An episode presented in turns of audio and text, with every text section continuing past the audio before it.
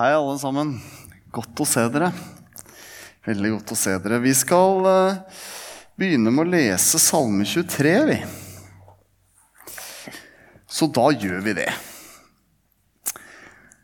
Herren er min hyrde. Jeg mangler ikke noe. Han lar meg ligge i grønne enger. Han leder meg til vann, der jeg finner hvile. Han gir meg nytt liv. Han fører meg på rettferdighetsstier for sitt navns skyld. Om jeg enn skulle vandre i dødsskyggens dal, frykter jeg ikke noe ondt, for du er med meg.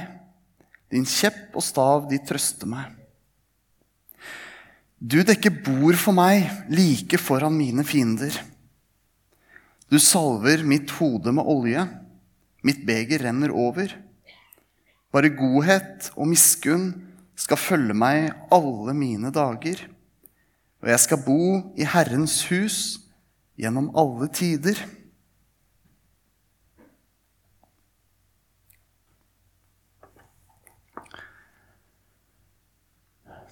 Hva er tro?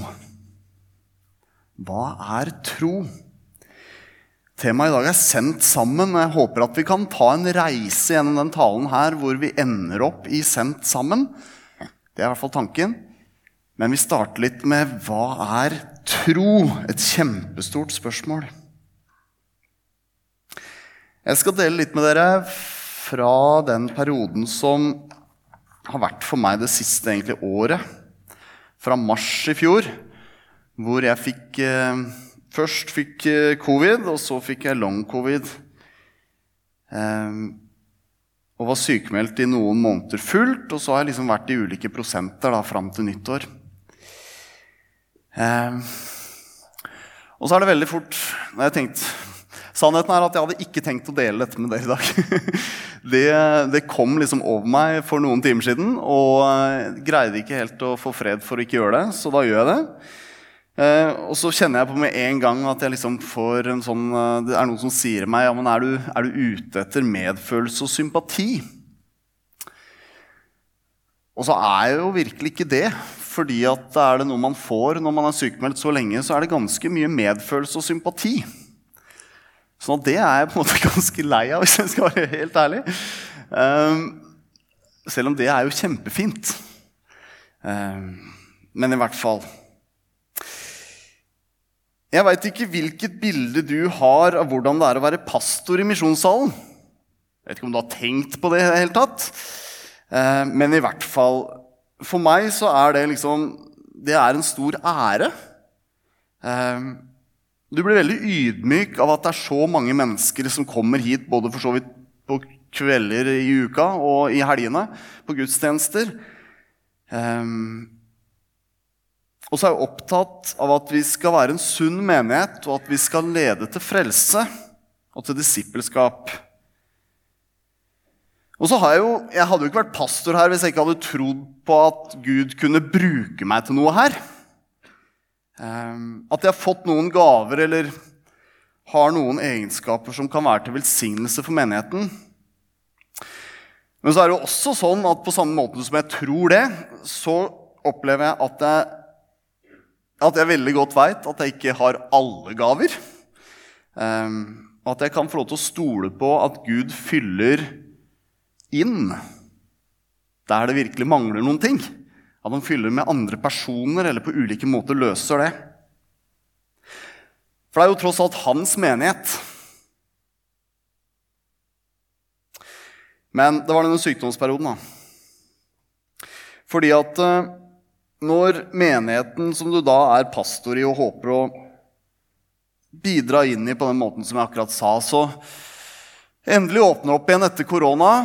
Ja, Det var litt sånn åpning den høsten før òg, men så blei det stengt igjen. og så, ikke sant? Litt fram og tilbake, og så åpner det endelig igjen, og så er du borte. Um, både når du vil være der sjøl, og når du kjenner at de andre forventer at du er der. Og så prøver du først å tenke at ja, men det er bare tre uker til påske. Over påske, da går det bra. Og så kjenner du på et eller annet tidspunkt at jo, men Jeg greier ikke å være sammen med barna mine. Jeg greier ikke å mobilisere på en måte sosial kapasitet eller et eller annet sånt. Altså en kapasitet til å være sammen med andre mennesker. Nok til å være sammen med barna mine på en måte som de setter pris på.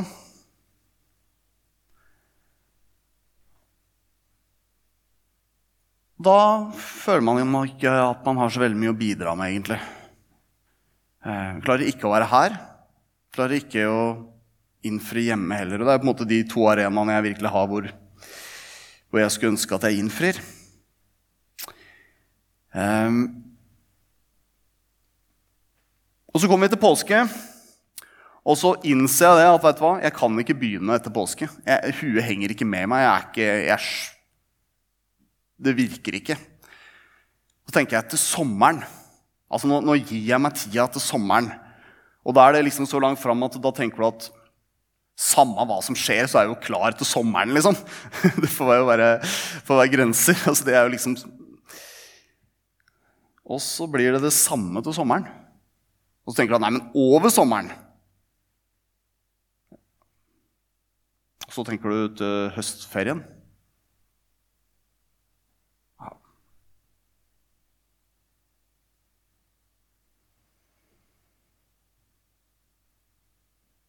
Når man ikke orker mennesker, og først og fremst skal være der for mennesker, uansett om det er på hjemmebane eller på jobb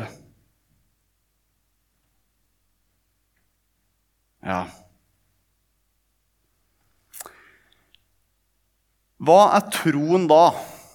Hva er min tro da? For når liksom mitt det jeg opplever som et livskall, når det ikke lenger er der, jeg ikke kan på noen måte fungere i det Og så er det jo en god del ting i Bibelen som jeg har snakka om flere ganger her, også fra talerstolen vi har om sendt, som beskriver en god del ting som vi kristne gjerne skal gjøre, eller måte vi skal tjene på. Um, og så har man ikke noe kapasitet til å gjøre noen ting. Hva er troen da? Hva er troen for deg da? Jeg vet ikke om du har opplevd en situasjon hvor du, hvor du har vært uh, helt ute av stand til å ta del i ting som, du, som er viktige for deg i kristen sammenheng. Men jeg tror også egentlig at det kan gjelde litt på samme måten når de gangene man opplever troen irrelevant, eller man ikke egentlig bare greier å bry seg. For meg er det i hvert fall ikke nødvendigvis så De periodene i livet mitt hvor det har vært sånn, så har det i hvert fall vært litt av den samme greia. Vi har en sang her i misjonssalen hos deg. Hos deg finner jeg frihet. Hos deg finner jeg håp. Hos deg finner jeg trygghet og ro. Du gir meg tro. Hos deg finner jeg glede. Hos deg finner jeg fred. Hos deg finner jeg liv, fordi du døde i mitt sted. Du gir meg tro. Om vi skal ta Martin Luther på ordet, så kan ikke vi mennesker engang si ja til Jesus. Fordi troen er en gave ved Den hellige ånd. Og det er ingenting vi kan gjøre eller komme med eller legge til eller trekke fra på den gaven. Vi kan ikke engang si ja til gaven. Det eneste vi kan gjøre, er å si nei. Vi kan ikke legge til noe. Vi kan vende ryggen til. Men Jesus har allerede sagt ja. Troen er ikke så mye din og min som den er Guds.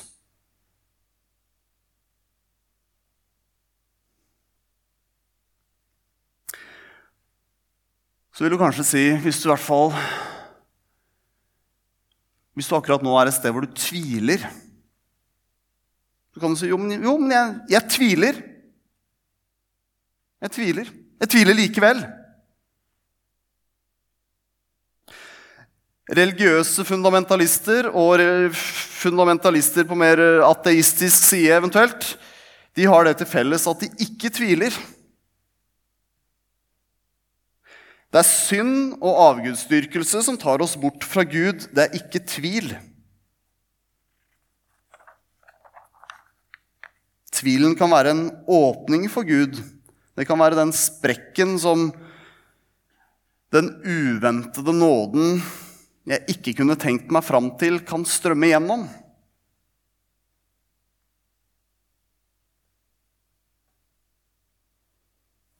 Vi skal lese fra Matteus 16. Da Jesus kom til distriktet rundt Cesarea Filippi, spurte han disiplene, 'Hvem sier folk at menneskesønnen er?' De svarte, 'Noen sier døperen Johannes, andre Elia og andre igjen Jeremia eller en annen av profetene.' Og dere, spurte Jesus, 'Hvem sier dere at jeg er?' Da svarte Simon Peter, 'Du er Messias, den levende Guds sønn.' Du er Messias, den levende Guds sønn. Jesus tok til orde og sa, Salig er du, Simon, sønn av Jonah, for dette har ikke kjøtt og blod åpenbart deg, men min far i himmelen. Og jeg sier deg, du er Peter, og på denne klippen vil jeg bygge min kirke, og dødsrikets porter skal ikke få makt over den. Peter kan ikke forstå rekkevidden av ordene han uttaler når han sier dette når han sier at Jesus er Messias. Men Peter har en han har en sprekk i sin egen selvsikkerhet, en tvil i sin egen selvsikkerhet, om du vil, som åpner døra til troa. Åpner døra til at noe kan være større enn han selv.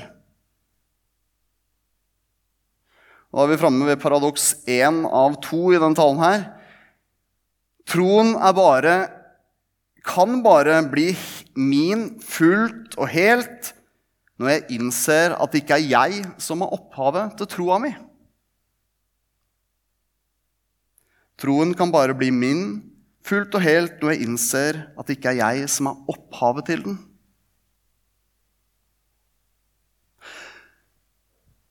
Og da er det jo også en tro som det går an å ha når man opplever at man ikke duger til noe, får til noe. Eller når man ikke kjenner at eh, man egentlig relaterer til dem. Jeg hørte en strålende tale av en som heter William Grosås her for noen, eh, noen uker siden. Og han hadde et type bilde han fortalte om bilen sin eh, at eh, Jo, bilen min, den kan jeg kjøre. Men jeg kan ikke forstå hvordan den er laget. I hvert fall kan ikke jeg det. Eh, I detalj. Men den tar meg jo dit jeg skal, og jeg er rimelig fornøyd med den. Den funker. Jeg kommer meg hit, jeg kommer meg hjem, og jeg kommer meg en del andre steder. Jeg kan heller ikke forstå alle detaljene, delene, mekanismene i det store drivverk som er vår felles kristne tro. Men jeg lever i den troa, og jeg ser alt den, det, den, det gode den gjør i livet. Og den fører meg fram dit jeg skal i trygghet. Og så kunne jeg jo selvfølgelig nekte å kjøre bilen før selgeren av bilen jeg kjøpte den. Det begynner å bli en stund siden. Forklare meg nøyaktig fra start til slutt hvordan denne bilen er produsert, og alle de detaljene på hvordan den fungerer. Men det er ingen som gjør det. Og ingen kan heller bygge en bil aleine i skogen. Altså, den Produksjonslinja er for avansert til det. Ingen har hele den kristne tro i sin tanke. Ingen har hele den kristne tro i sin tanke. Vi er en del av en lang produksjonskjede fra Abraham og fram til i dag. Vi har vår lille plass, vi har tatt del i troen. Troen blir bare min helt og fullt når jeg innser at den ikke kommer fra meg selv.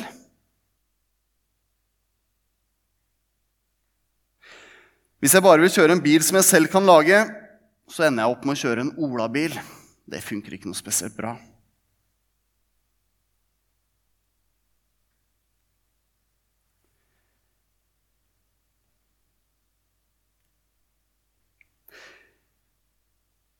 Vi er inne på et litt mer sånn Vi er jo vant til i Jeg vet ikke hvordan du er vant til dette, men i misjonssammenheng, i misjonsorganisasjonene, så kan vi være ganske vant til å snakke om eh, tro som noe ja, for så vidt personlig, og det er riktig. Og så er det en omvendelse når du kom til tro.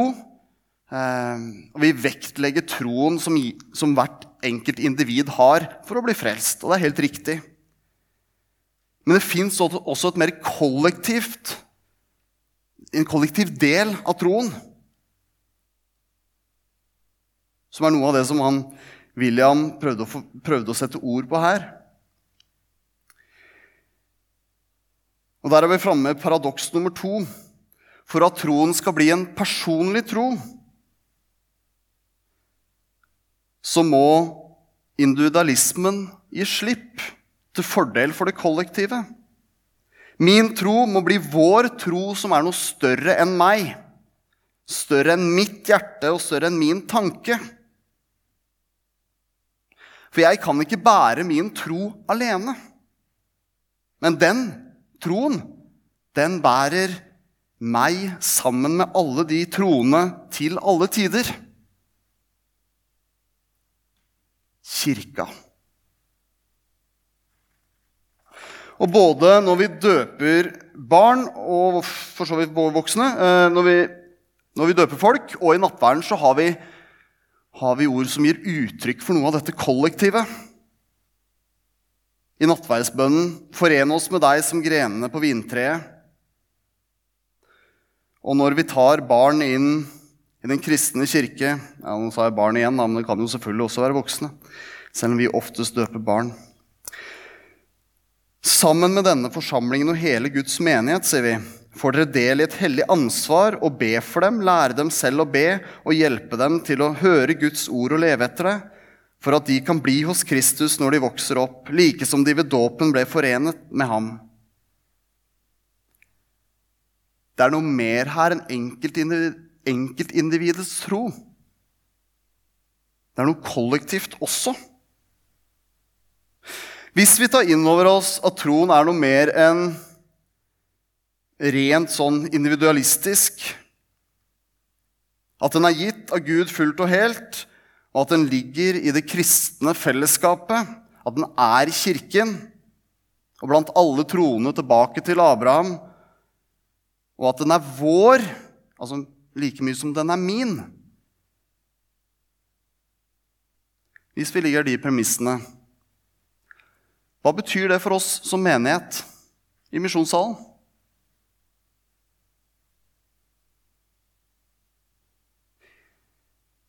Noen av dere som eh, er her ofte, har hørt oss eh, noen ganger snakke om åndelig lederskap. Eh, og på Nels ledersamlinger så har vi snakka ganske mye om det. Og åndelig lederskap det kan bety så utrolig mye forskjellig.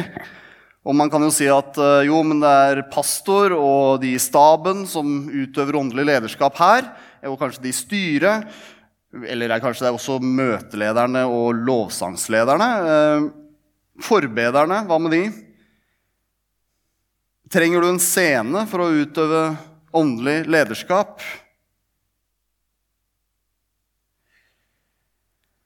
Når jeg bruker åndelig lederskap her, så er det viktig for meg å si at jeg at det er et uttrykk for det allmenne prestedømmet.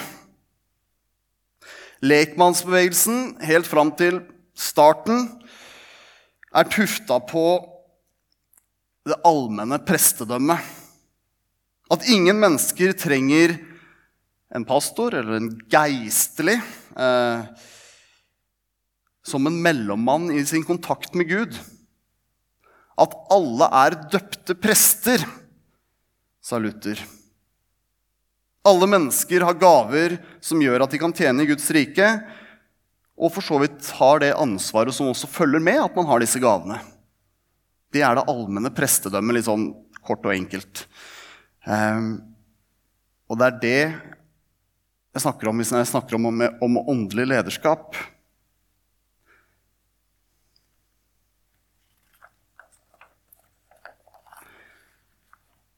I misjonssalen så trenger vi at mennesker tar åndelig lederskap. Og det handler ikke om hvilken tjeneste du har sagt ja til, eller hvilket verv du har, eller mandat du har.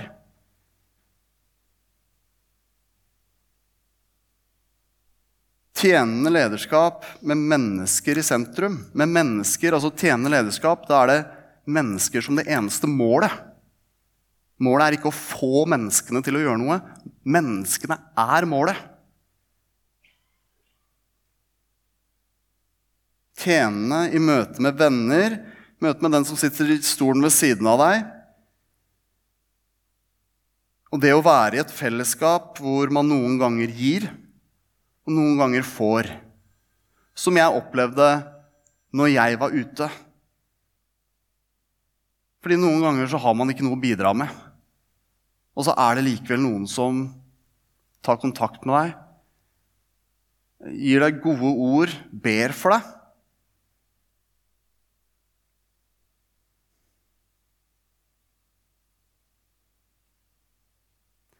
Så hvis denne troen ikke bare er min, men den er også vår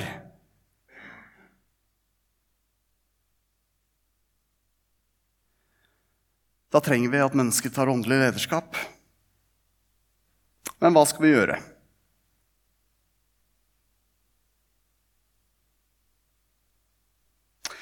Hva om jeg har tre ting, og det er det jeg skal avslutte med?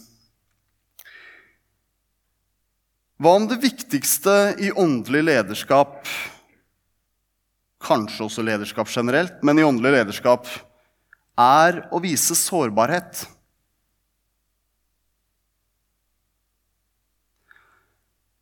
Sårbarhet gir plass til andre. Å dele, de gangene, dele om de gangene man ikke har lykkes, dele de tingene som er vondt, det gir plass for andre. Å dele suksesshistoriene, det man har fått til, det kan noen ganger være inspirerende å høre på folk dele det. Men sårbarhet gir et, sårbarhet gir et helt annet rom til at andre også deler rundt deg. Det betyr ikke at alle til enhver tid skal dele helt ufiltrert fra liva sine. Men det betyr at man åpner opp noen ganger. Eh, Livets Ord var jo en stor menighet i Bergen. Over 2000 typisk på gudstjeneste i løpet av en helg. Og kjempemenighet. Envald Flåten, som var leder og hovedpastor der, han eh, jo ble, ble intervjua før han døde, i denne podkasten som, eh, som, Dagen har hatt. Eh, I kjølvannet av at Livets Ord gikk ned da, for det som jo er, er over 15 år siden. Og en av de tingene som jeg syntes var fint at han sa, var at han tok kritikk for at det ikke var plass i den menigheten for å snakke om det som var kjipt og vanskelig. At alt liksom måtte være halleluja hver dag, var det. Eh, ordentlig bra at han så det. Fordi at Jesus setter seg ikke ned ved kvinnen ved brønnen for å høre at livet hennes er halleluja. Og det gjør han ikke med deg heller eller med meg.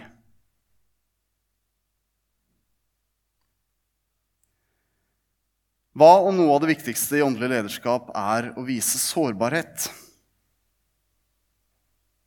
Hva om noe av det viktigste ved åndelig lederskap er å være nysgjerrig?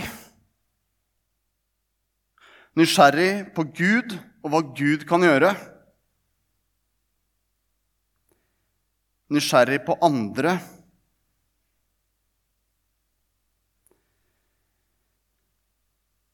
Og da ikke bare når de vil dele noe som er skikkelig på dypet, men da også gjerne. Men nysgjerrig på andre generelt. For noen faller jo det her helt naturlig. De stiller kjempegode spørsmål og ja, er helt konge å møte. Ehm, for noen av oss andre så krever det litt mer. Det krever en tilstedeværelse og en liksom bevissthet rundt det. Og det krever at jeg legger fra meg tanken om at uh, Jo da, Ole Martin, uh, jeg tror faktisk at uh, jeg har tenkt alle tanker før, jeg. Sjøl. Den tanken må jeg legge fra meg. Da viser det seg jo gjerne at man ikke har tenkt alle de tankene som går an å tenke. Hva om noe av det viktigste ved åndelig lederskap er å være nysgjerrige? Hva om noe av det viktigste med åndelig lederskap er å be for hverandre? På alle måter på den måten man er komfortabel med. Høyt eller stille, sammen med den man ber for, eller ikke sammen med den man ber for.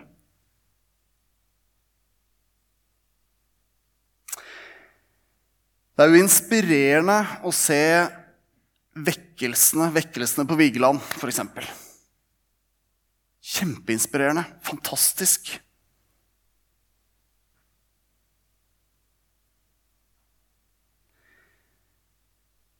Jeg tror at noen av disse tingene her er noe av det som vi er kalt til å være for hverandre. Være for hverandre, være for hverandres tro. Ta del i hverandres tro. Det tror jeg.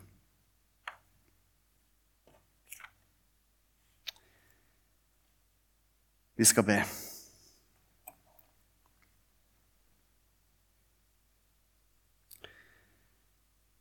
Takk for vår tro. Takk for at du har sagt ja til oss. Takk for at vi kan hvile i det. Takk for eh, at troa ikke er noe jeg skal produsere sjøl. Takk for at ingen har hele den kristne tro i sin tanke.